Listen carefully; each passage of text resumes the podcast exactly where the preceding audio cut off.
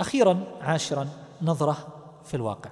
الآن إذا نظرنا إلى المراحل التعليمية عندنا ابتدائي المعهد أو الابتدائي المتوسط الثانوي الجامعة نجد الناس يحصلون فيها.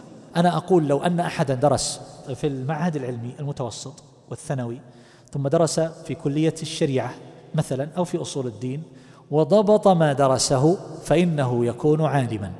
لو ضبطه فعلا وأتقنه يكون عالما. لكن الواقع هو ما ذكرته في ثنايا الكلام.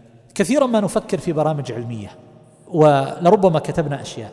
ثم إذا نظر الإنسان وتفكر فيما يوجد من معاهد وكليات وجد أن هذه وضعها علماء واختاروا لها المناهج واختاروا لها الشيوخ وهيئوا للطلاب ما يحتاجون إليه. يعني يجلس الطالب ما عليه لا يجلس في مكان واحد والشيوخ يأتون إليه. خمسة يتعاقبون في أول النهار. وكل شيء مهيأ. من مسكن ومكافأة ونحو ذلك فبماذا يتعلل؟ لكن للأسف كما قلت النية أو ضعف الهمة هي التي تجعل الإنسان لا ينتفع. إذا نظرنا إلى الدروس المقامة في المساجد نجد أنها في الغالب متفرقة ذات مستويات متفاوتة طريقة التعليم فيها ما فيها في الغالب ولهذا هنا اقتراح لعله يتحقق. وهو أن هذه الدروس أنها ينبغي أن ترتب. يعني نحن عندنا هنا مثلا هذه الدورات مرتبة. لكن الدروس التي في الأماكن التي تعج بالشيوخ وبالدروس ومجالس العلم مثل الرياض مثلا أو القصيم هذه لو أنها رتبت لكانت أنفع. يعني يوجد مثلا في بعض المساجد يوضع برامج يتفق مع الشيوخ أن هؤلاء يدرسون للمبتدئين. وهذه العلوم والكتب التي يدرسونها. من أراد يذهب إلى هؤلاء؟ وهؤلاء الشيوخ في هذا المسجد أو في المساجد في شرق وغرب البلد أو في شماله أو في جنوبه في هذا المسجد وهذا المسجد يدرسون للمتوسطين. وهؤلاء الشيوخ يدرسون للمتقدمين ويقصدهم الناس.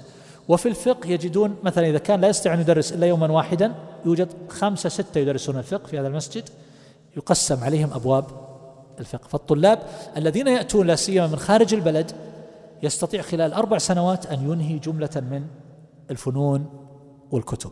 فإذا ما تيسر هذا يعني ما وجد من يقوم به وأرجو أن يوجد من يرتب هذا ويقوم به ويحتسب ويحتاج إلى شيء من الإقناع وال. فإذا ما وجد فلا أقل من أن يوجد بجوار الجامعة مثلا يوجد مسجد تقام فيه برامج على المستويات الثلاثة. ويكون فيه مكتب للتوجيه. هذه الكليات الشرعية الموجودة. الذي يدرس فيها هو كذا وكذا وكذا. الأشياء التي لا تدرس كذا. أنت في هذه الكلية تحتاج إلى كذا وكذا. ويوجد فيه معلومات تحدث بحيث أنه تعرف الدروس اللي في البلد. وأين وصلوا دائما في كل فصل دراسي؟ حيث إذا جاء طالب جديد يقال له الدرس. ماذا تريد؟ في الفقه نوجهك إلى فلان. درسه مختصر درسه مبسط درسه كذا. هذا يدرس أربعة أيام بالأسبوع هذا يدرس يوم. احضر هنا واحضر هنا مثلا. هنا من المعاملات وهنا من العبادات. وهذا الدرس يناسب لمستواك. وهكذا معلومات محدثة. هؤلاء يدرسون النحو. وصلوا فيه إلى باب كذا. وذاك بدأ من أوله. احضر هذا يوم بالأسبوع وهذا يوم بالأسبوع. مثلا إذا كان العلم يحتمل ذلك ما يعتمد آخره على أوله. وهكذا أيضا يعرفون أحوال الطلاب وما درسوا وما هي خلفيتهم فيوصى كل أحد لكن الواقع أن الكثيرين مساكين. يذهب متحمسا ثم يجد دروسا كثيرة متفرقة قد بدأ بها من قبل. ويحضر عند هذا قليلا وينقطع هذا الدرس ويحضر عند هذا قليلا وتمضي أربع سنوات ولم يخرج بكبير طائل ولا يعرف طريقة في التعلم. وبعضهم يظن أن الدراسة في الجامعة أنها لمجرد أخذ الشهادة وأن الدراسة الحقيقية في المساجد وهذا الكلام غير صحيح.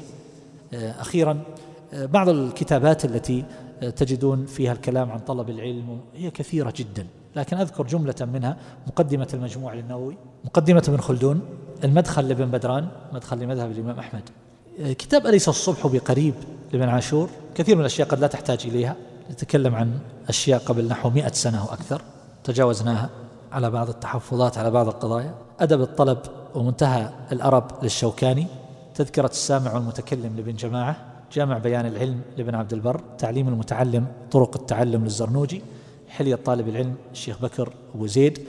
هناك كتب أخرى كثيرة جدا. لمعاصرين وغير معاصرين في هذا الباب.